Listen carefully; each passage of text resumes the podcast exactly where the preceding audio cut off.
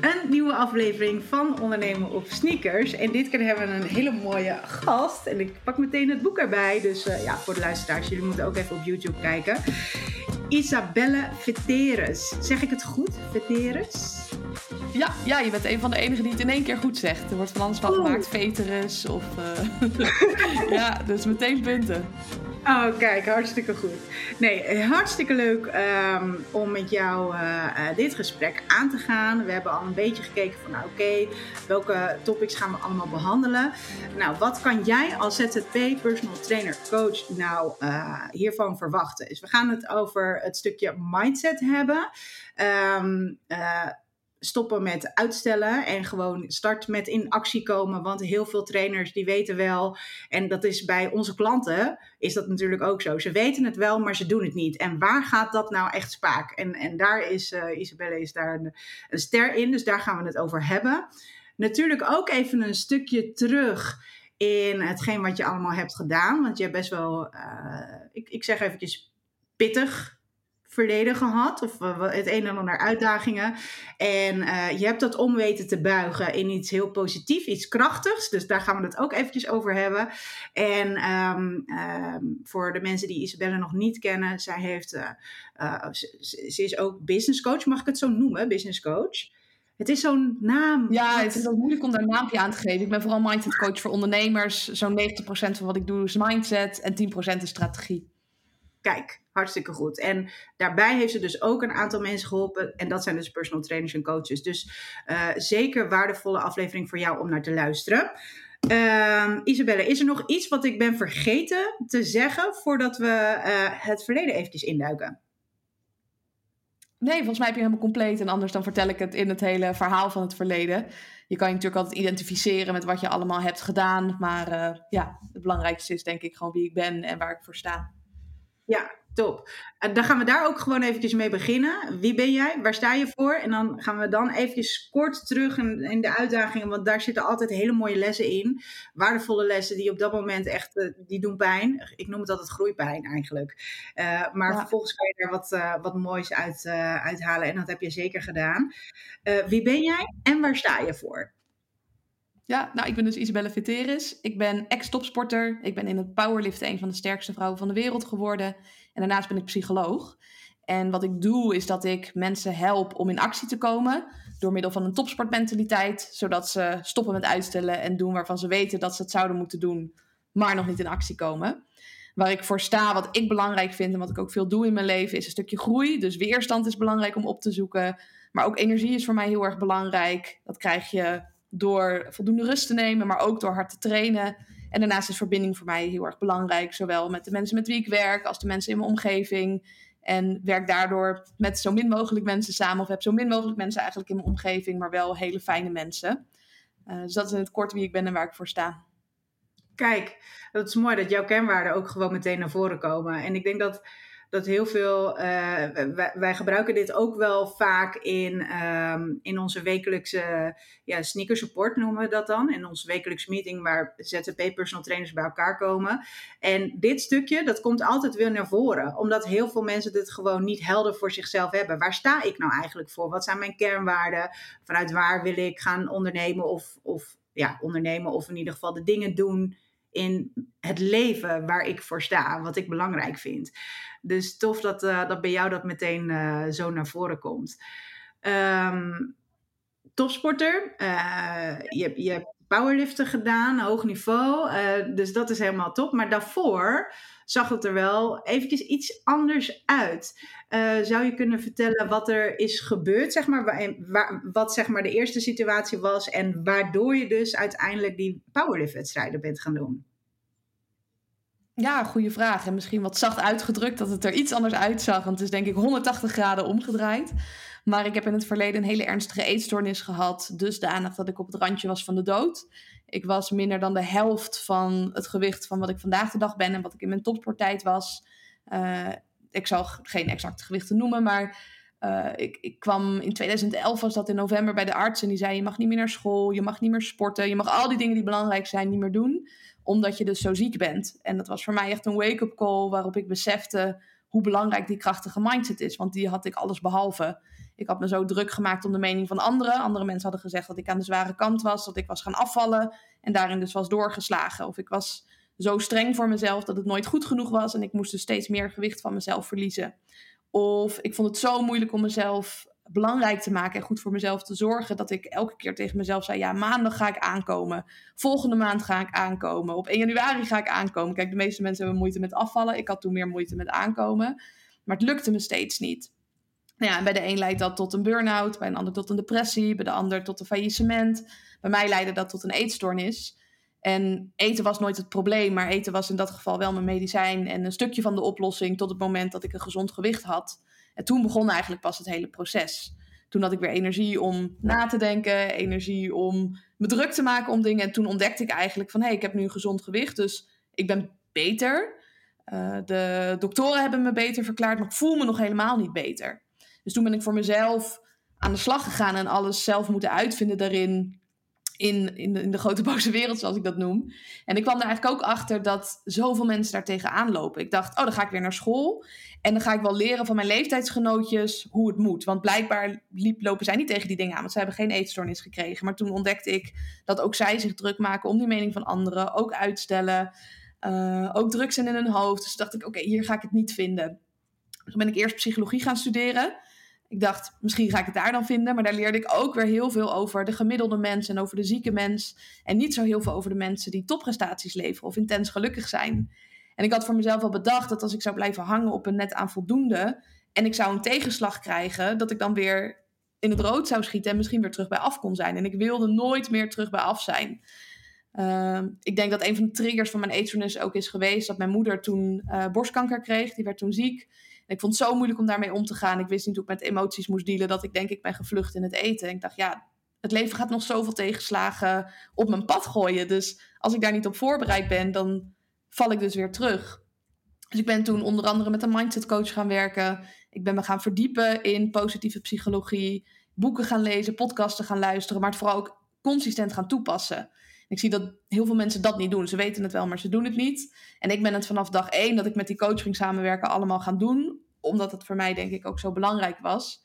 En toen merkte ik al heel snel een heel groot verschil. Al binnen een paar maanden merkte ik dat ik me veel gelukkiger voelde. Veel lekkerder zat in mijn vel. Terwijl er in de externe wereld niet zo heel veel veranderd was. Uh, toen dacht ik, wow, dit is gaaf. Dit is, uh, dit is magisch. Hoe kan ik dit nog meer inzetten? En een van de dromen die ik had als klein meisje was dat ik een sterke onafhankelijke vrouw was. Toen ben ik eerst wat een stukje sterk gegaan en dacht ik, nou, wat nou als ik hogere doelen stel, als ik uh, wat, wat meer mezelf erin geloof en als ik een van de sterkste vrouwen van de wereld word. Nou ja, je kan je wel voorstellen dat mijn omgeving niet direct supportte.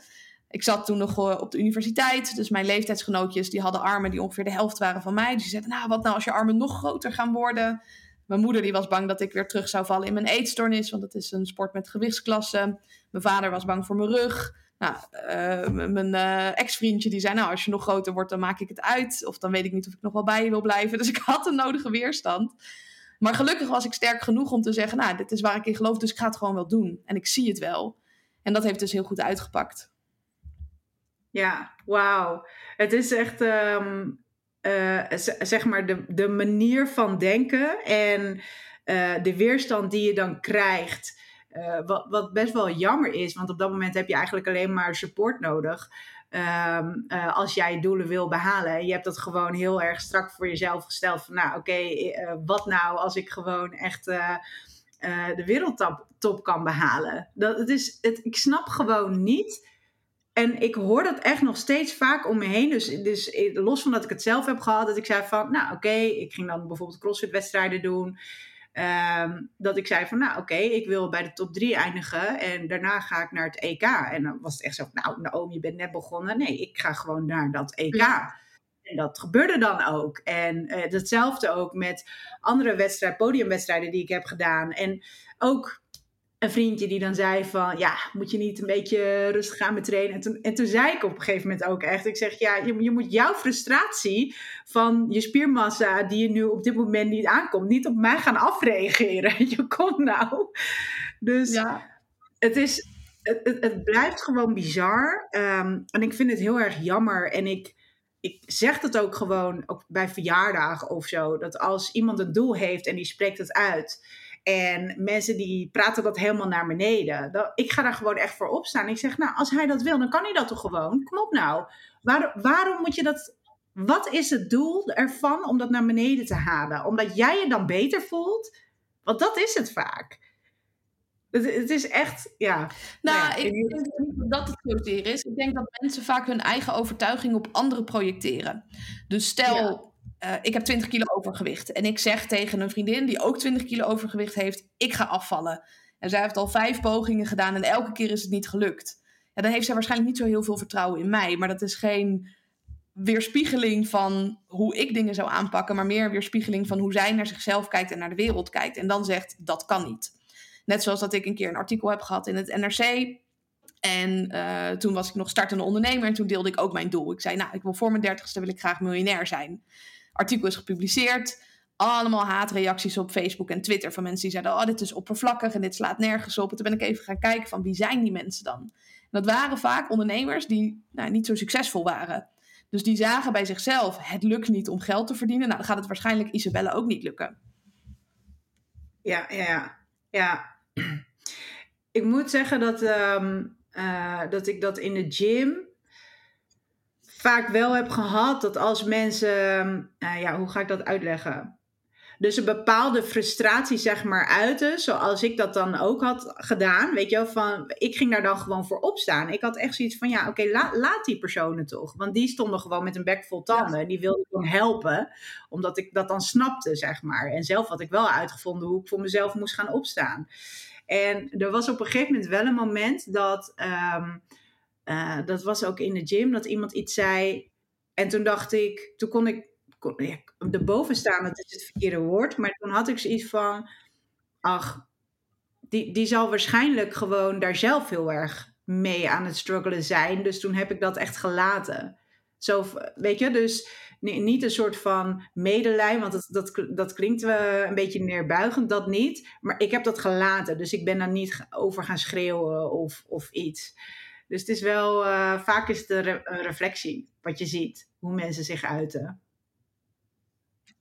Ja, en neerkijken, dat, dat noemen we heel negatief. Maar of erboven staan of hoe je het wil noemen. Maar je kan bijna diegene vergelijken met een schooiende hond. Het is misschien een beetje een harde vergelijking. Of in ieder geval dat stemmetje van diegene. Het stemmetje van dat angstbrein.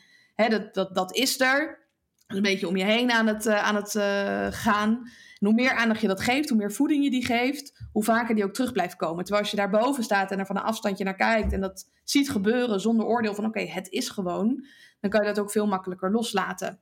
En hoef je geen medelijden met diegene te hebben, maar je hoeft het ook niet extra aandacht te geven. Dus mensen zeggen ook wel eens tegen mij van, oh, hè, weer zo'n coach. Of, nou ja, je, je krijgt allerlei verhalen. Dat je dat gewoon aanhoort, maar er ook niet dieper op ingaat. Dat is denk ik de meest krachtige manier om daarop te reageren. Ja. Of te ja. zeggen, dankjewel, maak je geen zorgen over mij, het komt wel goed. Ja, ja, precies. Dat is wel een, een hele goeie. Ja. En dan neem je het ook niet persoonlijk.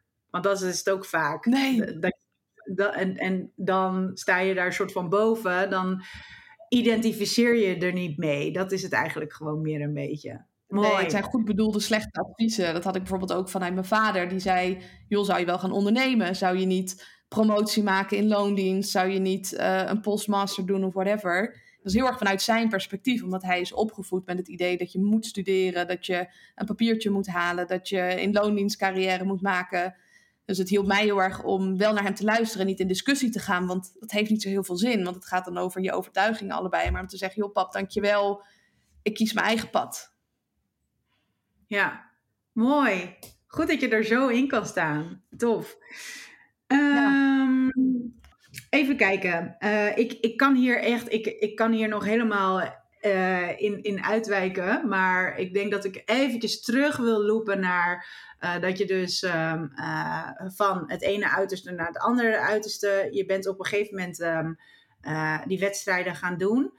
Wat zijn voor jou, misschien kan je één of twee momenten noemen, uh, ik weet niet of je ze hebt gehad, dat je dacht van, nou oké, uh, misschien is dit toch niet juist. Of dat je twijfelde of dat je, dat je het zeg maar op wilde geven. Maar uiteindelijk dus toch op een manier energie of, of de mindset hebt gevonden van nee, nee Isabel, ik ga dit gewoon doen. Heb je die gehad? Ja, ja 100% Het uh, sterkste moment was bij mij tussen het WK en het EK. Dus ik had het WK meegedaan, daar had ik twee medailles gewonnen. En dat was in de zomer. En toen zou in november zou het Europees kampioenschap zijn. En voor het WK trainde ik vier keer per week. Ging allemaal super goed. En ik had me toen laten verleiden om nog vaker te trainen. Ik dacht, oké, ik wil meer resultaat behalen. Ik ga nog vaker trainen. Dus toen was ik naar zes keer trainen in de week gegaan. Uh, in de zomer ging dat heel erg goed. Maar toen kwamen er andere dingen bij, werk, studie. Dus toen werd dat te veel. Merkte ik dat mijn progressie stagneerde. Dus ik raakte, nou, ik wil niet zeggen overbelast, maar ik zat wel uh, daartegen aan. Toen ben ik weer een stapje teruggegaan. Ging ik weer terug naar vier keer in de week. Uh, en tegelijkertijd waren er wat tegenslagen of wat, was er wat weerstand vanuit de bond van het powerliften. Wat ze namelijk hadden gezegd was dat wij. Uh, het powerliften is een individuele sport. Er deden meerdere mensen mee. En ze zeiden: joh, we, hè, we moeten een beetje een teamgevoel gaan creëren. Dus dan moet je in de zaal gaan zitten en naar je mede, nou ja, je, je ploeggenoten gaan kijken. Uh, en voor het powerliften doe je best wel een zware waterkut. Uh, je, wil, je, je, wil ook rusten. Dus ik was in gesprek gegaan met ze van, joh, is dat nou wel echt nodig? Hè? Dat komt mijn wedstrijd niet ten goede.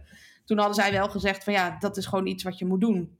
Uh, tegelijkertijd was mijn moeder ook heel erg ziek. Uh, die was wel meegegaan naar het Europees kampioenschap om te komen kijken. En ik wilde heel graag ook in die week wat tijd met haar kunnen doorbrengen. uiteindelijk zeiden ze, ehm, je, moet gewoon in principe in die zaal zitten. Je mag niet tijd met je moeder doorbrengen. Eigenlijk moet je ook in een vast hotel zitten. Dus er waren heel veel regeltjes. En daar ga ik niet zo heel lekker op. Daar heb ik ook voor een individuele sport gekozen. Dus dat was bij mij wel dusdanig dat ik zei... Ja, dat hoeft voor mij eigenlijk niet meer. Op deze manier wil ik niet meedoen met die wedstrijd. Ik vind de topsport heel leuk. Ik vind vooral trainen heel leuk. De wedstrijd is dan de kerst op de taart. En nou ja, ik weet niet of ik op deze manier door wil gaan. Nou, toen zeiden ze dat er wel een boete aan vast zat... als je dan dus niet meedoet met de wedstrijd. Uh, dus enerzijds uh, om die boete te voorkomen. Anderzijds dat ik dacht, ja, ik maak gewoon kans op een gouden medaille op het Europese kampioenschap. Dus waarom niet dan toch die wedstrijd afmaken waar ik zo, zo, hard voor heb getraind. Maar ik ben toen wel heel anders die wedstrijd ingegaan dan natuurlijk het WK. Maar wel blij dat ik het natuurlijk heb gedaan. Ja, en, en waardoor is dan de keuze geweest dat je wel die wedstrijd hebt gedaan? Um, ik denk dat het dan veel ego zou zijn van mezelf om dan te zeggen van oké, okay, dit is hoe ik het had bedacht, dus zo gaan we het doen. Um, en vanuit, die, vanuit dat gevoel denken, vanuit die overtuiging, zou ik daarin meegaan. En dat ik toen mezelf heb herpakt van ja, het gaat gewoon even niet zoals ik het had gewild. Uh, ik weet dat ik uh, moeite kan hebben met autoriteit. Misschien is dat ook weer een mooie les van dit WK, dus dat, of van dit EK. Dus dat wil ik eruit halen. Ik wil ook presteren op de toppen van mijn kunnen. En ik weet gewoon dat ik die gouden medaille kan behalen. Dat is ook heel gaaf. En ondanks dat nou ja, er wat tegenslagen zijn, kan ik daar alsnog een hele leuke tijd hebben. Dus toen wel de keuze gemaakt om het uh, toch te gaan doen. Ja, goed zo. Mooi. Ik denk ook dat het de, de uitdaging is, of de kunst is, om uh, als er ex, externe dingen veranderen om je daarin alsnog in, te kunnen meebewegen, zeg maar. En, ja, 100 uh, procent. ik heb zelf natuurlijk ook met veel topsporters gesproken die in coronatijd nog topsport deden. Ik ben precies daarvoor gestopt. Die dan ineens moesten spelen zonder publiek. Of in quarantaine in hun hotelkamer moesten als ze een wedstrijd gingen doen. En dat is natuurlijk ook niet hetzelfde. En je zag bij hen ook dat het ten koste ging van het resultaat. Maar ze hebben wel besloten om alsnog mee te doen. En dat ja, vind ik ook super knap. Want ik weet hoe lastig dat kan zijn. Ja, ja, ja. Mooi, tof. Oké. Ehm, en toen ben je, wanneer ben je gestart met echt het, uh, het coachen dan, zeg maar, van mensen? Dus liep dat een beetje gelijk? Of is het dat je eerst je sport hebt gedaan en daarna bent begonnen met coachen? Hoe kan ik dat zien? Ja, ik eh, kreeg na mijn WK wel wat uh, DM's van mensen die vroegen hoe ik het had gedaan. Uh, toen ben ik na de zomer begonnen met ondernemen, eigen bedrijf opgericht, naar de KVK gegaan en ben ik eerst vrouwen gaan helpen om sterker te worden. En ook om naar hun eerste wedstrijd bijvoorbeeld toe te trainen of meer kilo's te gaan tillen. En toen op het Europees kampioenschap stond ik op dat podium. Ik had die gouden medaille gewonnen. En toen dacht ik, ja, het is heel gaaf wat ik hier heb gedaan. Maar ik zou er niet gelukkig van worden om dit nog tien keer te doen. Uh, en ik word wel heel blij van andere mensen helpen. Dus toen heb ik besloten om te stoppen met de topsport en te gaan focussen op het ondernemerschap. En meer mensen dus te gaan helpen om sterker te worden in het begin. En ik hielp die vrouwen dan met een stukje voeding, training en mindset. toen zag ik ook dat die vrouwen veel meer resultaat behaalden dan de meeste andere mensen. En toen dacht ik, oké, dit is tof, ik doe, uh, ik doe iets goed. En die aanvragen die stroomden binnen. Dus ik had in no time had ik uh, 10, 15 klanten die ik daarmee hielp. En daar kreeg ik ongelooflijk veel energie dus van. Dit is echt bizar dat je dit zo uitspreekt. En, uh, ik heb zeg maar een beetje hetzelfde ja. gehad. Um, uh, en dat was uh, met het WK. Dus nou ja, ik had een wereldtitel in, in de pocket. En dat is natuurlijk heel tof. En je hebt er hard voor gewerkt. En uh, dat is zeg maar één ding. Maar als ik kijk naar waar ik dan echt blij van word. En ik kon nog wel meer en bij andere bonden wedstrijden doen en zo. Maar dat was. Dat stond me heel erg tegen. Weet je, heel veel vriendjespolitiek en al dat soort dingen. Dus ik had zoiets van, nou, daar, ja, daar ga ik gewoon nee, daar ga ik gewoon, uh, uh, daar ga ik me niet in, in mee laten nemen, zeg maar. Dit is, gewoon, dit is gewoon goed voor mij. En ik werd dus uiteindelijk veel blijer van het helpen. Dus het coachen en begeleiden van mensen. Dus gewoon als je het hebt over de, de personal trainingen die ik doe. Of de kleine groepjes. Of ik sta gewoon echt, echt als een of ander uh, ja, cheerleader helemaal te juichen. Als iemand iets gaat doen wat ze nooit hadden gedacht dat ze dat zouden kunnen doen. Of uh, de wedstrijden ja, die ik heb. Ja, dan, dan ben ik echt het team wat ik daarmee heb gecreëerd om samen te werken, echt dat verbinden, zeg maar. Dat is bij mij zoveel belangrijker geworden dan een individuele sport, wat je ook niet alleen doet, want je hebt een heel team om je heen verzameld met mensen die je daarbij helpen. Uh, alleen ik, ik merkte gewoon dat het, het helpen van andere mensen, daar heb ik meer, daar haal ik veel meer plezier uit, zeg maar, dan in je eentje een prijs in ontvangst nemen. Dat is, ja, dat is leuk. Ja, en ik had er vooral meer voldoening ook uit. Ja, ja dat, dat het is, is even het. een kort moment, is superleuk. Terwijl als je elke dag berichten ontvangt van mensen... oh, ik heb een nieuw PR gezet. Oh, ik, ik vind het zo fijn, ik ben zo blij met je. Uh, of de energie van zo'n wedstrijd. En dan kan je ineens veel meer wedstrijden doen... omdat je coach in plaats van meedoet. Ja, ik vind dat super gaaf. Ja, Oh, wat heerlijk. Nou, ik denk ook wel dat, hè, los van, oh, daar ben ik wel eventjes nieuwsgierig naar jouw mening. Dat vraag, vraag ik zo meteen. Um, uh, dat veel, veel trainers en coaches zich hierin herkennen. Want die zijn mensen gaan helpen. Vaak is het zo dat ze in het vak zijn gerold, omdat ze dus zelf een bepaalde, prestatie hebben neergezet. Of dat nou is, is esthetisch of, um, uh, of echt vanwege uh, bepaalde sportprestatie of iets. Um, en dan posten ze daarover en dan vragen, vragen mensen steeds vaker om advies. En nou ja, zo rollen ze vaak gewoon het vak in. Los van dat ze daarna natuurlijk wel gewoon de opleidingen zouden moeten doen. Dus uh, heb je nog geen opleiding gevolgd? En, en ja, herken je het? uh, elkaar. Ja. Ja, precies. Ga alsjeblieft wel opleidingen doen. Um, want het is wel, uh, ja, die verantwoordelijkheid moet je wel nemen. Uh, want er zijn nog steeds heel veel coaches die, uh, die nog niet opgeleid zijn. Uh, maar dan ben ik eventjes mijn ding kwijt. Oh ja, de energie die je krijgt van hè, het, het, helpen van mensen. Um, daar herkent denk ik iedere trainer, coach zich in. Het kunnen delen van. Nou ben ik heel nieuwsgierig naar jouw mening. Denk jij dat jij een betere uh, coach bent, omdat je zelf zeg maar die topprestaties hebt geleverd en uh, dus die highs en lows hebt meegemaakt? Ja, zeker. Ik ben inmiddels dus geen powerlift coach meer, maar ik help ondernemers. Op een gegeven moment gingen ook heel veel ondernemers aan me vragen: hoe heb je het gedaan? En als je alleen maar dus uit het boekje hebt geleerd, dan heb je het niet meegemaakt. Dus dan kan je het vanuit de theorie leren. Maar omdat ik het heb meegemaakt, dan ben ik al eigenlijk een stap vooruit op de mensen die ik help. Dus stel dat ik een startende ondernemer help, dan weet ik precies in de eerste twee maanden waar ze doorheen gaan. Heel veel chaos in hun hoofd, heel veel nadenken over het bedrijf, super gemotiveerd zijn. Um, en dat kan ik dan al een stukje voorzien. En dan kijk ik er of niet meer gek van op op het moment dat het gebeurt, of ik kan al eerder bijsturen. Dat ik zeg, joh, weet je, het is super belangrijk als ondernemer sowieso, maar zeker in het begin onvoldoende rust te nemen om tijd te nemen voor jezelf. Dus 100% dat dat helpt. Kijk, het is geen vereiste, dus een goede speler is niet altijd een goede coach het feit dat jij gauw medaille wint of topscorer bent of nou ja, whatever je prestatie is, maakt je nog niet direct een goede coach, maar het kan wel helpen om dus mensen in het proces mee te nemen. Ja, precies. Ja, zo heb ik dat zelf ook wel uh, um, ervaren en nog steeds. Dat als mensen bijvoorbeeld hebben over um, ze hebben snijbuien of wat dan ook. Dat soort dingen heb ik ook allemaal gehad. En dat verwachten ze niet altijd van, uh, van een coach. Want dan, dan ben je een soort van voorbeeld. En, uh, en die, die weet het allemaal goed en die doet het allemaal goed. Maar op het moment dat je dus echt een gesprek aangaat met, met dus een klant in dit geval, over uh, welke, welke ja, uitdagingen ik heb gehad in mijn hoofd, maar ook fysiek. En uh, wanneer ik wilde opgeven of wanneer ik uh, uh, bijvoorbeeld die, die, vooral dat, dat snijden denk ik ook wel, dat mensen denken, oh ja, heb je dat ook gehad? En ja, ja, ja joh, ik ging ook eten verstoppen. En weet je, dat, dat, daar denken mensen dan helemaal niet bij na, want jij bent toch dat voorbeeld. Dus dat is... Uh, dat is altijd wel een soort van, dan wordt het menselijk. En krijg je ook wat meer begrip um, ja, wederzijds respect. Of je kan makkelijker zeg maar, dat gesprek aangaan. En ik denk ook wel dat het belangrijk is als trainer-coach zijnde... dat je zeg maar, die menselijkheid laat zien. Als je dus mensen coacht.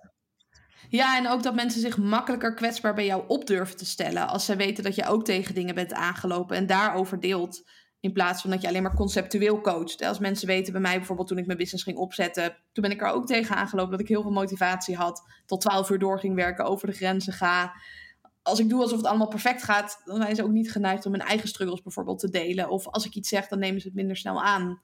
Dus ik denk zeker dat het belangrijk is om je kwetsbaar op te stellen. En daarnaast ook, dat is de reden dat ik als coach ben gaan werken en niet als psycholoog. Dat ik het belangrijk vind dat je een team bent als je gaat samenwerken. En als jij jezelf boven de ander plaatst, ja, dan ben je dus geen team meer. Dan sta je niet meer op gelijke voet. En is het heel moeilijk om samen voorwaarts te gaan. Dus dat is ook energetisch hoe ik met mijn klanten samenwerk. Ik heb ook een hele tijd mijn intakes bij me thuis gedaan. Niet zozeer omdat ik geen kantoor had of het niet op een andere plek wilde doen, maar echt mensen ook in mijn leven wilde meenemen, omdat zij zich kwetsbaar opstellen en ik dat vanuit mezelf ook wil doen. Ja, ja, mooi. Er zijn echt, het is echt bizar. Dat, er zijn zoveel dingen die jij benoemt, die ik dus gewoon op mijn website heb gequote of, uh, of alsof jij die tekst hebt geschreven, zeg maar. Wat nee, leuk, dat je... leuk. Ik heb dus bewust ook nog niet naar de website gekeken of de podcast te geluisterd, want dan ben je altijd beïnvloed. Uh, maar ja, ja toevallig, of ik geloof niet in toeval, maar dat is een ander verhaal. ja, ja, ja, nee, echt heel erg tof. Um, psycholoogstudie heb je dus ook gedaan, of je bent psycholoog. Uh, je, je gebruikt dat natuurlijk ook gewoon in je huidige uh, werkzaamheden. Hoe is de switch gekomen van um, dat je dus zeg maar mensen bent gaan begeleiden op training, voeding en mindset. En op een gegeven moment heb je een beetje de switch gemaakt naar meer de ondernemers. Waar, waar is dat vandaan gekomen? Ja, goede vraag. Ik ben dus eerst die vrouwen gaan helpen om sterker te worden. Ik help, hielp ze met voeding, training, mindset. En toen merkte ik dat die mindset eigenlijk veel belangrijker was dan het maken van een goed schema. Qua voeding, qua training of qua techniek. Dus toen dacht ik, nou wat als ik dat ene ding eruit pak en mensen alleen nog maar met de mindset ga helpen. Dus ja, met pijn in mijn hart heb ik toen uh, de klanten die ik had opgezegd. En gezegd, joh jongens, ik ga ermee stoppen. Super spannend, want het geeft wel een bepaalde cashflow. Vond het ook leuk om te doen. Maar ik voelde dat dit me klein zou houden. Toen ben ik eerst nou, een beetje algemene doelgroep mensen gaan helpen op het gebied van mindset. Waren een beetje mensen van tussen de ja, 20 en 40. Die hielp ik toen nog veel online. Ik had een beetje de Digital Nomad Life. Ik leefde vanuit eh, Thailand, Bali, ook vanuit Nederland, maar vanaf mijn laptopje dan. Uh, en toen kwam een beetje coronatijd. Het was toen in 2020. Uh, eh, en toen liep mijn business gewoon lekker door. Ik had nog steeds leuke klanten. Maar sommige klanten, ja, daar kreeg ik uh, minder energie van dan dat het opleverde. En toen ben ik gaan kijken van wie zijn nou die klanten die energie kosten en wie zijn de klanten die me energie geven. En bij welke klanten kan ik ook de meeste bijdrage leveren? Dus een aantal mensen in loondienst die maakten promotie op het moment dat ze met mij werkten. Maar vooral ondernemers die konden meer klanten krijgen, gingen meer in zichzelf geloven. Uh, voerden hun plannen daadwerkelijk uit. Dus dacht ik, oh, dit is tof. Ik ga gewoon kiezen voor die doelgroep van ondernemers. Dat is nu anderhalf jaar geleden. En daar pas ik dan mijn kopje op aan. Uh, dus zo is die switch gekomen. Ik wist wel vanaf het begin van mijn onderneming dat ik ondernemers wilde helpen.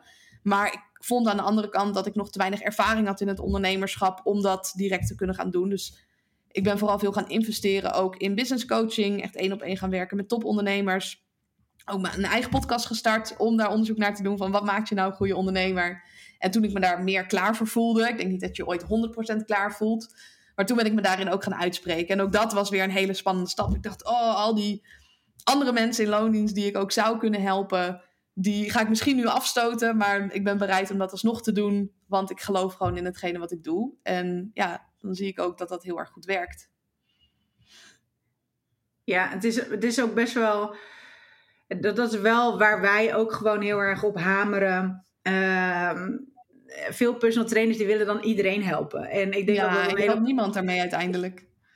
Nee, weet je, dus, en dat is ja, ook jezelf niet, maar ook, ook je mensen niet. En uh, ik ben dan in, um, in de periode, nou ja, laten we zeggen, in de laatste twee jaar, zeg maar, ben ik gewoon veel meer ook bij de EMU gaan kijken. Uh, dus veel meer marketing. Uh, op een gegeven moment ben ik ook salesopleiding gaan volgen. En dan komt gewoon zo duidelijk naar voren dat het zo belangrijk is om echt je doelgroep te kiezen. Wie is jouw ideale klant? En echt, sommige mensen worden er gek van. Maar ik blijf het gewoon elke keer zeggen. Net als die waarde, dat, belangrijk is waar je voor staat. Dan kan je gewoon veel makkelijker keuzes maken. En dan, dan is het ook veel duidelijker waar je voor staat. En welke mensen jij kan gaan helpen. Want anders voelt precies niemand zich aangesproken. Dus weet je, voor iedereen is wel wat. Ik bedoel, er zijn genoeg coaches, er zijn genoeg klanten. Ehm, eh, maar ik denk dat het alleen maar veel beter is dat je veel meer gaat trechteren van: oké, dit, dit zijn de mensen wie ik daadwerkelijk kan en wil helpen. Uh, waarbij je dus gewoon, ja, zoals jij dat vaak zegt, dan het toppen van je kunnen, maar dus voor jezelf, maar ook voor je klanten, dat naar boven kan halen. Want anders dan is, ja. is het eigenlijk.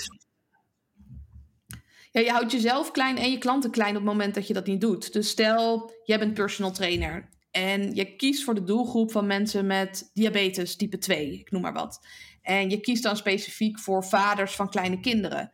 Dan kun jij heel goed snappen waar jouw doelgroep tegenaan loopt. Dan kan je dus meer waarde leveren voor die ene doelgroep dan dat je mensen simpelweg helpt met afvallen. Want ja, er zijn zoveel dikke mensen in Nederland, dus kies je die doelgroep omdat je iedereen wil helpen. Maar als die vaders jou gaan googlen of proberen te googlen. ik, zoek op zoek, ik ben op zoek naar een personal trainer die mij kan helpen, want ik heb diabetes type 2. Dan gaan ze jou niet vinden. Maar dan gaan ze wel die ene collega van jou vinden die wel een doelgroep heeft gekozen. Ja, precies. Dus daar zit het grote verschil in. Ja, ja, ja, zeker. En dan heb je toch dat stukje van uh, dat Felisa-versie. Oh ja, nee, maar dadelijk dan verlies je dus al die andere mensen, maar het is dus juist goed. En weet je, met topsport is dat dan altijd wel heel erg duidelijk. Je hebt gewoon één doel. En dat is waar je, waar je voor moet gaan. Met CrossFit heeft het dan wel een beetje in de war geschopt, zeg maar. In het begin was ja, het zo... Ja, precies. Dat is niet het beste voorbeeld, hè. Maar in powerliften helpt het niet als ik ook nog eens een marathon wil gaan rennen... en ook topscorer weer worden in het voetbal. Als je het allemaal wil, dan blijf je met helemaal niks achter. Nee, precies. Dus het is, het is heel belangrijk om daar keuzes in te maken. En met, met CrossFit zag je dan heel erg duidelijk naar voren komen. Toen, toen ik daar nog wedstrijden in deed, dan was het zo: je hoeft echt niet overal goed in te zijn. Um, uh, uh, eigenlijk overal een beetje gemiddeld en in één ding gewoon echt heel erg goed. Dan kan je gewoon goed meedoen. En dat was de periode dat ik ook meedeed. Uh, want er waren een aantal dingen waar ik gewoon absoluut niet goed in was. maar ik, ik kwam daar gewoon mee weg. Nu kom je daar niet meer weg. Nu moet je gewoon overal nee, specialist. Anders, Anders dan, dan haal je het gewoon niet. Ehm, maar goed, dus, dus durf ook gewoon echt te kiezen. Uh, dat is ook gewoon veel eerlijker. Het is, het veel makkelijker om op die manier uh, uh, je bedrijf zeg maar te runnen. Nou, je bent dus op een gegeven moment dan, heb je die switch gemaakt en ben meer ondernemers gaan, gaan helpen met, met het coachen. Um, wat is een beetje, je hebt ook een aantal personal trainers gecoacht. Wat zijn de dingen die je ziet, of dat nou business-wise of mindset is? Ik bedoel, of de mindset in de business, dat kan natuurlijk ook. Ehm, waar de meeste trainers die jij dus hebt geholpen, uh, tegenaan zijn gelopen? Ja, goede vraag. Uh, nou, enerzijds tegen de doelgroep. Een personal trainer gecoacht en of je nou 20 was of 50, 60, 70, het maakte niet uit. Hij hielp iedereen en hij deed en de wandelcoaching en personal training en groepscoaching. En, en ja, het, het erge was bijna nog dat hij daar klanten mee kreeg, maar net niet genoeg om fijn rond te kunnen komen, laat staan om uh, ja, echt goede winsten te draaien.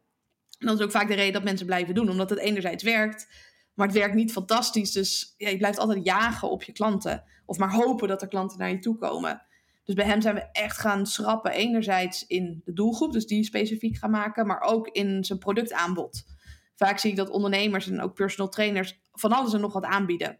En dan kies je dus ook niet waar je echt heel goed in bent. Dus bij hem zijn we gaan kiezen om alleen maar één op één coaching te doen. En alleen maar voor die ene specifieke doelgroep. En dus nee te zeggen tegen al het andere. En op korte termijn betekende dat dat hij wat omzet moest inleveren. Op lange termijn betekende dat dat zijn omzet verdubbelde.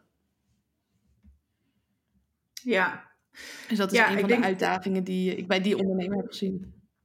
Ja, precies. En uh, als je kijkt naar andere ondernemers, gewoon in, in general, we hebben het er vaak gehad en dat komt natuurlijk ook in, in, jouw, uh, in jouw boek naar voren. We gaan natuurlijk wel even het linkje delen uh, in de show notes. Dus um, stoppen met uitstellen.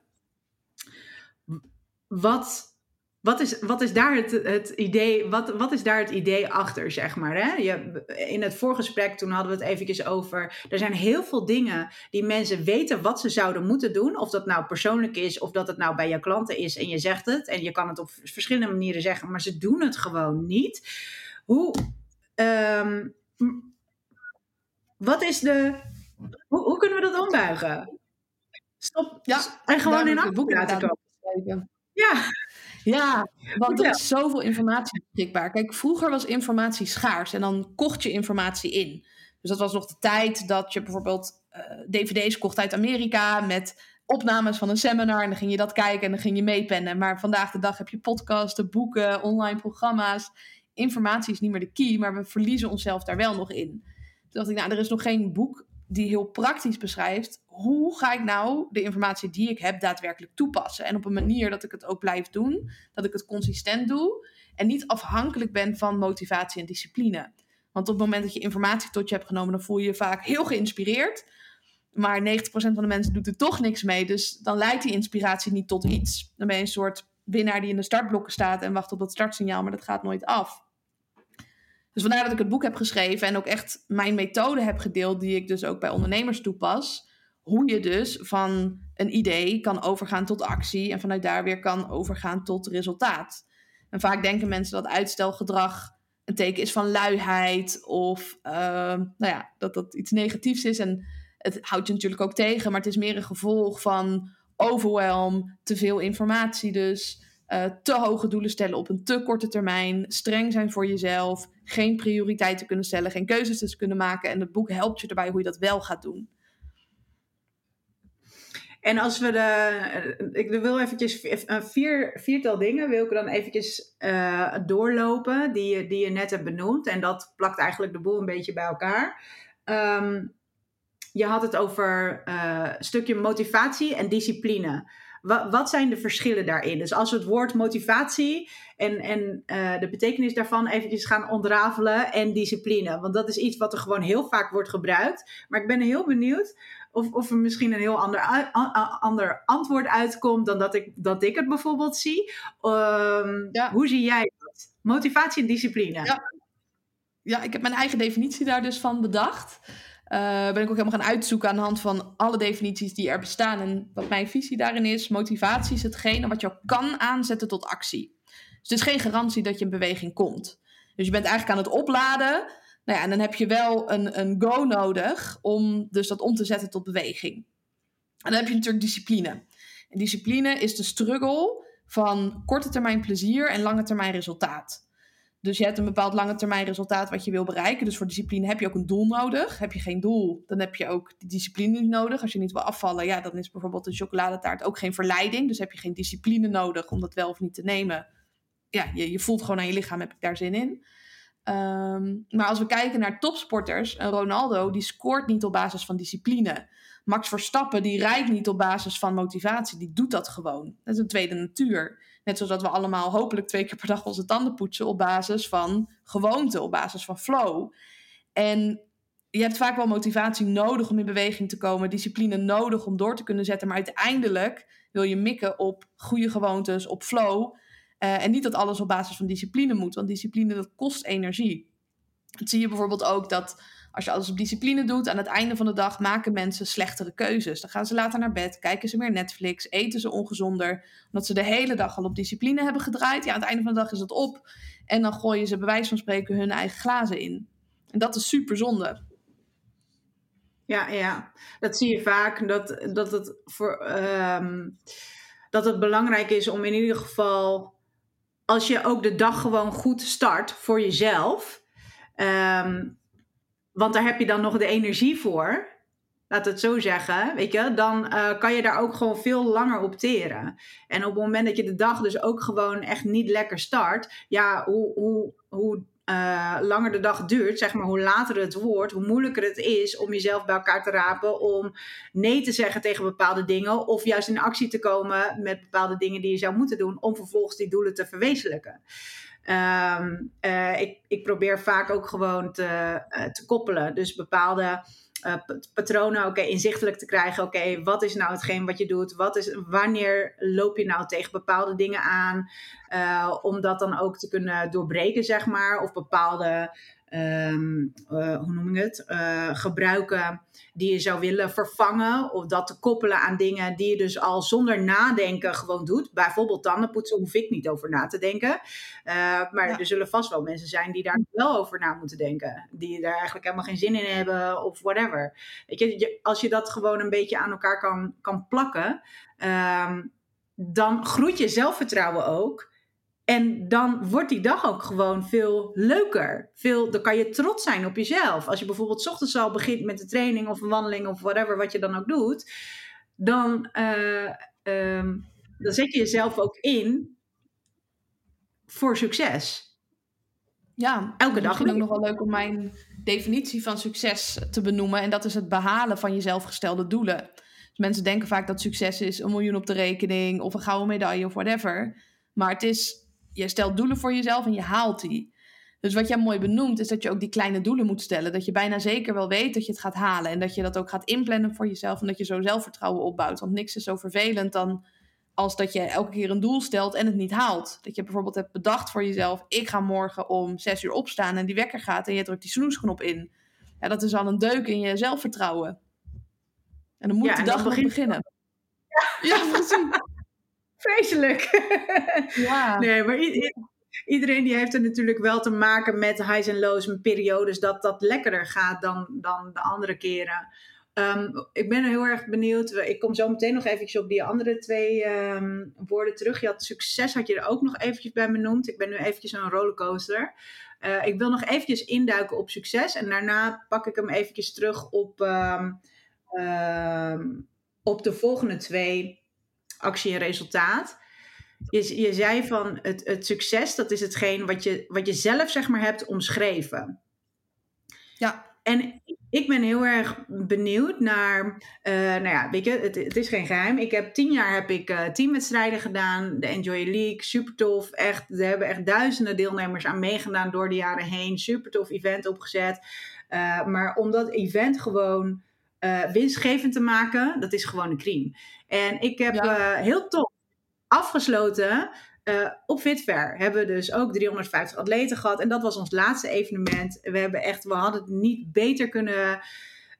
Um, ik had me niet beter kunnen wensen hoe we dit hebben afgesloten. Super tof. Ik kan echt met trots en een opgeheven hoofd terugkijken. Dus van, van, van, wat ik heb neergezet, hoeveel atleten we blij hebben gemaakt, het team wat we samen hebben neergezet. Um, maar um, ik heb daar geen geld mee verdiend. Ik heb alleen maar geld ingestoken. Dus mensen begrijpen niet waarom ik ermee stop. Als ik zeg van ja, oké, okay, ik krijg het gewoon niet winstgevend. Ik heb er een jaar salaris in ingestopt. Het is gewoon ja. klaar. Het is genoeg. Het is mijn grens klaar. En uh, los van dat iedereen het jammer vindt, en dat is natuurlijk ook tof dat iedereen het jammer vindt. Um, mensen die zagen het altijd als een succes. Hè? Maar aan de buitenkant was dat. En dan zeggen mensen ook tegen mij van, Naomi, nou, je mag er wel trots op zijn. Ja, ik ben er trots op. Maar zie ik het als een succes? Ik heb te veel, denk ik, me vastgehouden aan dat ik daar natuurlijk ook geld mee moest gaan verdienen. Ik bedoel, dat is ja, wel dat fijn als je iets van. Ja. Precies, dus mijn definitie was, ja, maar uh, ja, het was heel erg tof, maar ik zag ja, het niet als succes. En ga je elke keer naar beneden praten. Je vindt altijd redenen dat het weer niet goed genoeg is. Ja, en dat is, ik vind het wel mooi dat je dat zo zegt. Van ja, wat is succes? Want andere mensen die zagen iets groots, iets tof, iets waar ze aan deel wilden nemen. Dat was voor hun het succes. Dat was hun definitie van een succesvol evenement. Mijn definitie was, ik moest er geld mee verdienen. en dat is niet, dat is niet gelukt. Dus Uh, los van dat ik wel heel veel andere dingen eruit heb gehaald. En daar ben ik ook heel dankbaar voor en heel blij mee. Uh, en trots op, uh, voelt het voor mij nog steeds niet als helemaal succes. Omdat dat mijn definitie was. Ja, ik heb zelf ook het afgelopen jaar een aantal evenementen georganiseerd. En toen ook bewust gekozen, het hoeft niet winstgevend te zijn. Sterker nog, het mag me zelfs geld kosten. Maar mijn doel is om een leuke dag te hebben, om leuke sprekers uit te kunnen nodigen, om mensen een beleving te geven. En als ik dan maar winst maak op mijn andere producten, helemaal top. Uh, had ik als doel gesteld inderdaad om winst te maken, dan had ik daar mogelijk mee in mijn hoofd gezeten of achteraf mee gezeten. Dat deed ik ook in het begin van mijn bedrijf. Ik vond ook dat ik meteen winst moest maken, hoge winsten moest maken. Maar aan de andere kant wist ik ook dat investeren belangrijk was en was ik dat aan het doen. Dus dat was echt een tweestrijd die ik in die tijd had. En dat heb ik op een gegeven moment maar losgelaten. Ik dacht, oké, ik mag loslaten dat ik op korte termijn al bepaalde dingen moet bereiken. Ik mag mezelf daar gewoon de tijd in geven. Ik train niet voor morgen, ik train niet voor volgende week, maar voor de wedstrijd van het leven. Dus als ik over tien jaar uh, die omzetten draai wat mijn doel is, dan is dat ook oké.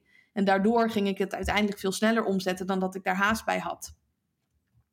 Ja, dan haal je de druk ervan af. Ja, en ik vertel vaak aan mijn klanten of aan mijn volgers over het verschil tussen een winnaarsmentaliteit en een topsportmentaliteit. En in mijn optiek zijn dat dus twee verschillende dingen. Bij de winnaarsmentaliteit heb je de wil om te winnen. En dan wil je eigenlijk alleen maar winnen en dat is goed genoeg. Daardoor vergeet je te focussen op het proces. Uh, doe je meestal niet mee als je geen kans maakt. Vind je het moeilijk om te leren van je fouten. En bij die topsportmentaliteit lukt dat wel. Ik kwam op het WK en ik was er helemaal oké mee als ik zou verliezen. Ik was bereid om laatste te worden. Ik was ook niet bezig met wat de rest precies deed. Of als iemand meer tilde, ik dacht, oh nee, daar gaat mijn medaille. En dat is precies de reden waarom ik dus die medailles wel heb gewonnen. En dat is die paradox. Ja, je zegt, het, het is ook wel voor mij heel herkenbaar dit. Uh, en misschien voor jou als personal trainer of coach ook. Als je zeg maar dit soort um, situaties naar voren kan halen. Ik denk wel dat het tof is als je dat voor jezelf eventjes gaat doen. Dat je een situatie naar voren haalt van oké, wanneer had ik toen echt de topsportmentaliteit en wanneer had ik dan echt de winnaarsmentaliteit? En uh, als ik dat voor, voor mezelf zie, is dat um, op het moment dat ik die, die winnaarsmentaliteit had, dan was het, was het heel, heel veel. Ik had veel minder plezier in hetgeen wat ik deed. En met, het, met de topsportmentaliteit uh, was het gewoon echt het, ging het over het proces. Dus los van de bond, de juryleden, wat dan ook. Maar ging het gewoon om van oké, wat heb ik er zelf aan gedaan? Heb ik er alles uitgehaald? Los van de omstandigheden, daar moet je gewoon in meebewegen. En uh, dan, was, dan was het misschien niet een eerste plaats. Maar uh, ik, ik voelde me wel een winnaar.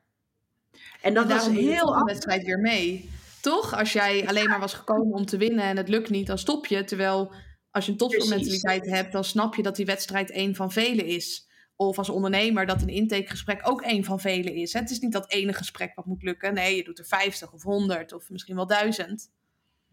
Ja, ja, ja, ja. Gaaf, leuk. Ik ben heel erg benieuwd dat als je dit luistert en je hebt dat voor jezelf uitgezocht, of misschien wel mensen in de community, jullie kunnen gewoon allemaal kosteloos lid worden. Hè? Want dat heb ik ook voor mezelf besloten.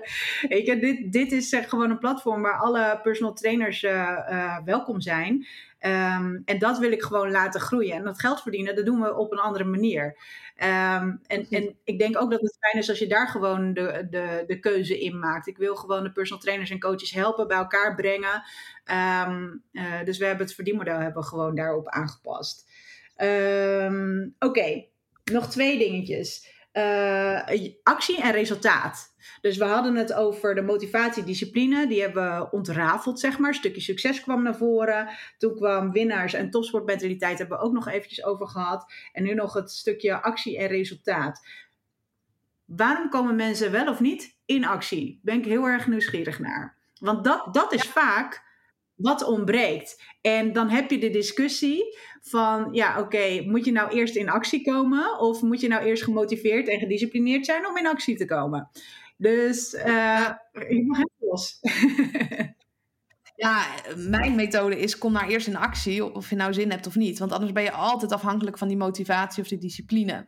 En dat is ook de reden dat je in kleine stapjes moet beginnen. Dat het je geen discipline of motivatie kost. Stel dat jij hebt bedacht, ik wil fitter worden. Nou, heel veel mensen gaan dan van 0 naar 100 binnen 3 seconden. Die willen dan vijf keer per week meteen gaan trainen. Alleen maar gezond eten. Ja, dat is een vrij kansloze strategie als je dat nu allemaal niet doet.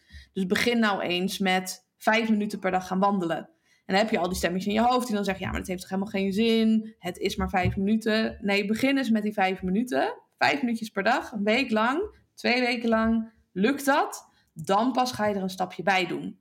En dan krijg je vanzelf motivatie. En dan kost het je uiteindelijk helemaal geen discipline meer, omdat je die resultaten begint te zien.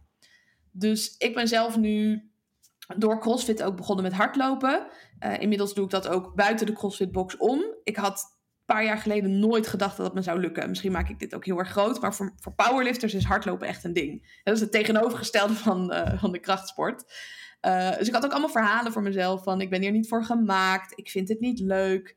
En ik ben heel erg gaan focussen op de dingen die ik wel leuk vond. Dus ik ging het niet sugarcoat van ik vind hardlopen fantastisch, maar ik ging kijken naar, oké, wat vind ik wel leuk? Oké, ik vind buiten zijn vind ik fijn. Ik vind het leuk om buiten te zijn terwijl iedereen nog ligt te slapen. Dus ik heb voor mezelf als doel gesteld om drie keer in de week hard te lopen. In de ochtend. Dus dat is ook belangrijk als je een doel gaat stellen. Dat jij voor jezelf gaat bepalen, oké, wanneer ga ik het doen? Maak er een klein stapje van. Plan dat voor jezelf in. En het is geen 10 kilometer wat ik dan elke keer doe. Het is max 1 kilometer in het begin. Inmiddels doe ik 2. Uh, maar dat je het doel zo klein maakt dat je in ieder geval weet dat je het gaat behalen. En dat je dan tijdens het behalen van dat doel focust op wat er allemaal fijn is in plaats van wat er allemaal vervelend is. Dus als jij je hebt voorgenomen om hard te lopen en je vertelt jezelf hoe naar dat is. Of als je je hebt voorgenomen om vroeg op te staan en je gaat jezelf vertellen dat je te weinig slaap hebt gehad of dat je er niet voor gemaakt bent. Of nou ja, welke excuses je ook hebt dan gaat het een heel lastig verhaal worden. In plaats van dat je dus focust op het positieve. Daardoor lukt het mij om dat doel nu te behalen en dan ga je resultaat behalen. En dan ga je het misschien wat verder opschalen of misschien heb je bepaald dit is goed genoeg. Uh, en dan kan je het volhouden.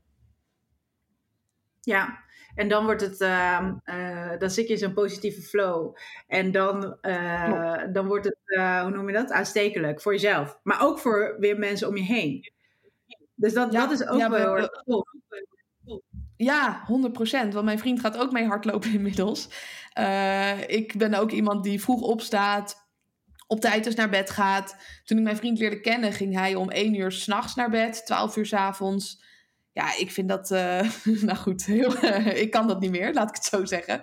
Ik ga meestal om 9 uur naar bed, het liefste nog eerder. En nu gaat hij daar ook in mee, zonder dat ik tegen hem hoef te zeggen: Oh, dit moet je echt gaan doen. Maar het is besmettelijk, die goede gewoontes.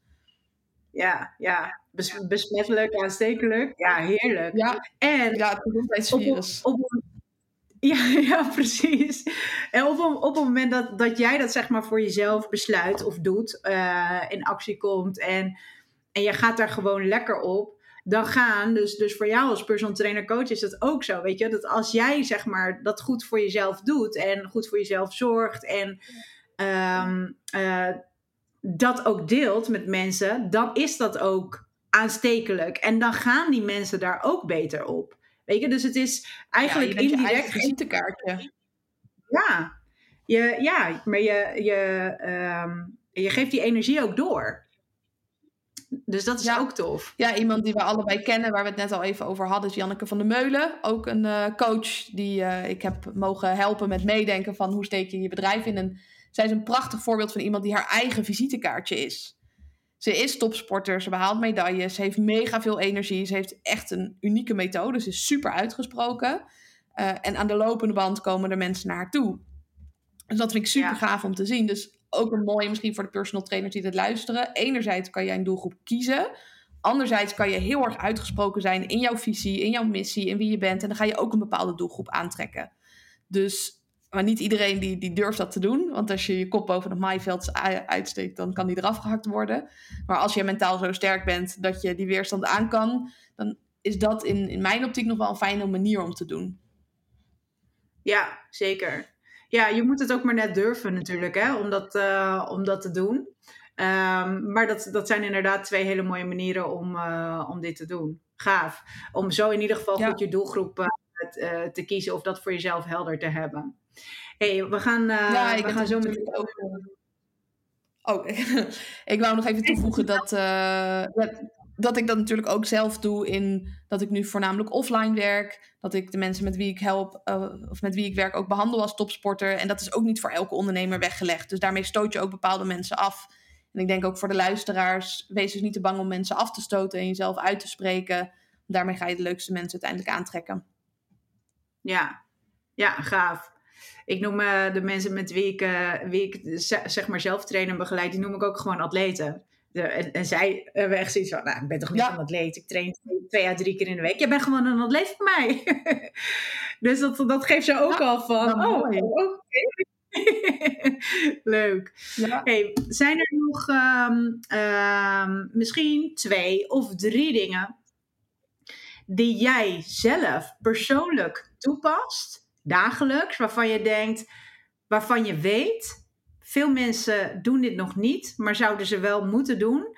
Waardoor ze veel sterker, hè, dus eventjes terugkomen op, op, dat krachtige, zeg maar. Waardoor ze veel krachtiger ehm, in hun vel komen te zitten. Of in hun, in hun mind, in alles, zeg maar. Gewoon, gewoon krachtiger worden.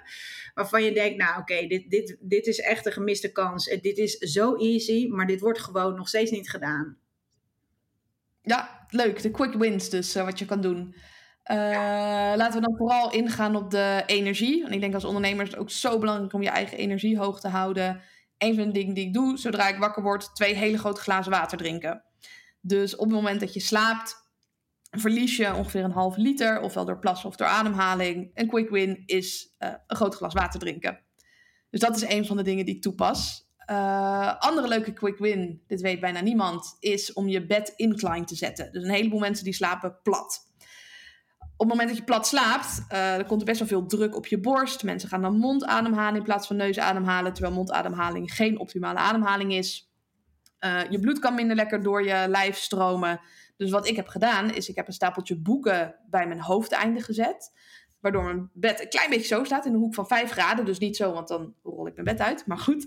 Uh, en daardoor slaap ik dieper, beter en herstel ik dus sneller. En word ik ook energieker wakker in de ochtend. Oh, wauw. Ik heb hier laatst is het wel eventjes bij mij langsgekomen. Of het nou op social media was of whatever. Um, en ik ben daar niet. Nu denk ik, oh ja, zoiets had ik inderdaad gelezen. Of, of misschien was het wel via jou, dat weet ik niet zeker. Misschien was het bij maar mij. Ik heb een post gemaakt van uh, ja, waarom ik met uh, boeken onder mijn bed slaap. En het is niet om de kennis op te doen. nee, ik weet, ik, ik weet niet meer. Maar dat maakt ook helemaal niet uit. Het is, het is nu in mijn hoofd. Um, maar dus gewoon echt jouw hele bed. Want wij kunnen wel zeg maar gewoon de lattenbodem een klein beetje aan de bovenkant omhoog doen. Is dat ook al, uh, zou dat ook al helpen? Ja, dan lig je niet meer plat. Dus het, ja. het, is wel een winst. Maar ik zou echt gewoon een klein stapeltje boek onder je bed doen. Uh, dat is ook een quick win. Dat kost je misschien een paar minuten van je tijd. Maakt een heel groot verschil voor je nachtrust en dus voor je energie overdag. Ja. Oh, vet. Vijf graden zei je? Ik vind het een hele leuke. Oké. En de laatste? De laatste. Um, even denken welke is leuk om te delen. Ik wilde een beetje nieuwe dingen delen. Hè? De meeste mensen weten bepaalde dingen al. Oh ja. Uh, leuk is om te delen. Ook, ook een tip voor het slapen. Uh, is, is mijn mond afplakken. Dus heel veel mensen ademen door hun mond. Daardoor adem je te veel, te vaak, te oppervlakkig. Dus ik plak bij het slapen mijn mond af. Maar ook wel eens bij het sporten. Of overdag bij het werken, dat je dan een optimalere ademhaling hebt. Dus hoef je niet actief ademhalingsoefeningen te doen. Maar dan kan je dat gewoon uh, tijdens andere activiteiten doen. Ja. Oh, ik, heb, ik merk heel erg dat ik heb wel... Ik slaap altijd met mijn mond dicht. Waarvan ik weet in ieder geval... Mm. Um, en mijn vriend is niet. Die snurkt gewoon. Met zijn mond open. het liefst ook nog met zijn gezicht naar mij ja. toe. dat ik, oh nee. Ja. dus ja, uh, misschien...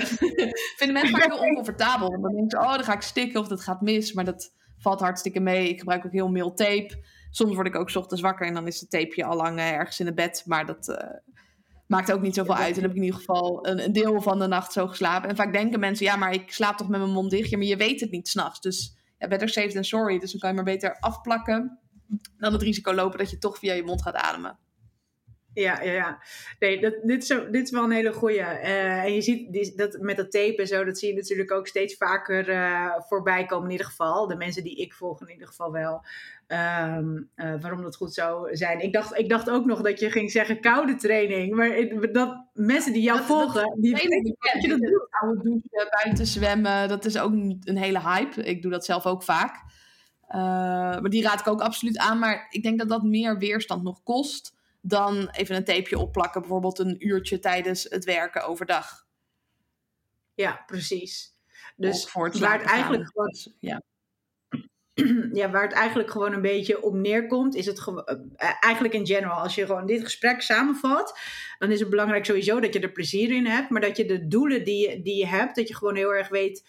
Uh, het proces, dat is wat onwijs belangrijk is. Dus bij jouw klanten, hè, dus als je hier luistert als personal trainer, coach zijn, dus niet alleen maar voor jezelf, maar ook voor je klanten, zorg dat die doelen gewoon echt klein worden gehakt. En dat je uh, vooral ook de ochtend, zeg maar, gebruikt. Want dan, dan zet je jezelf al in voor succes. Of dat je het koppelt aan bepaalde gewoontes die je, uh, die je al hebt. En, en zo klein mogelijk. Ook al is het vijf minuten eventjes naar buiten toe. Meer wandelen, denk ik ook. Dat, dat gewoon veel meer mensen zouden moeten doen. In plaats van heel veel zitten.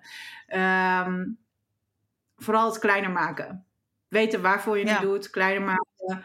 Um, dat, dat, en, en stel jezelf ook gewoon heel transparant open. Um, uh, of uh, uh, transparant, hoe noem je dat? Zeg ik dat goed? Transparant open. Opstellen, ja. Opstellen, ja. ja. Dan kan je gewoon veel meer de diepte ingaan. Want dan durven mensen zich ook, ja, kwetsbaar. We noemen het dus straks kwetsbaar. Ik zie dat eigenlijk meer als krachtig. Want ik vind het niet kwetsbaar op het moment dat je iets kwetsbaars deelt. Ik vind het juist super stoer op het moment dat je iets durft te delen waarvan je het altijd een beetje spannend vindt om te delen. Um, en kies je doelgroep.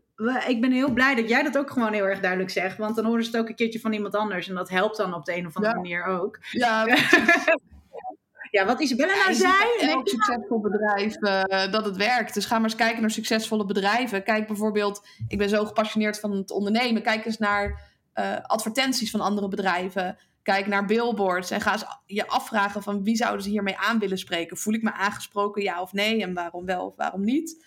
En dan zie je ook dat zij een doelgroep hebben gekozen door de kleuren die ze gebruiken, door de woorden die ze gebruiken. En dat is ook de reden dat ze dat budget hebben om te kunnen adverteren, omdat ze waarschijnlijk een goed lopend bedrijf hebben. Ja, tof. Ik vond het ja. heel. Uh, ik vond het een heel tof gesprek. En er zijn echt nog heel veel dingen die ik wel, waar ik wel in zou kunnen, kunnen duiken, zeg maar. Misschien komt het wel een keertje op een ander moment of een masterclass of iets. Daar, daar gaan we gewoon nog eventjes, uh, dat, dat komt wel of niet. We zien wel hoe dat loopt. Precies, um, allemaal goed. Ja, het is, het is gewoon allemaal helemaal goed nu zoals het is. Ik vind het uh, heel tof om te horen hoe jij ja, echt, uh, echt wel helemaal bent gedraaid van uh, een eetstoornis naar ja, gewoon echt je kracht vinden in jezelf, zowel fysiek als in je mind. En dat je ook die kennis deelt met, met andere mensen.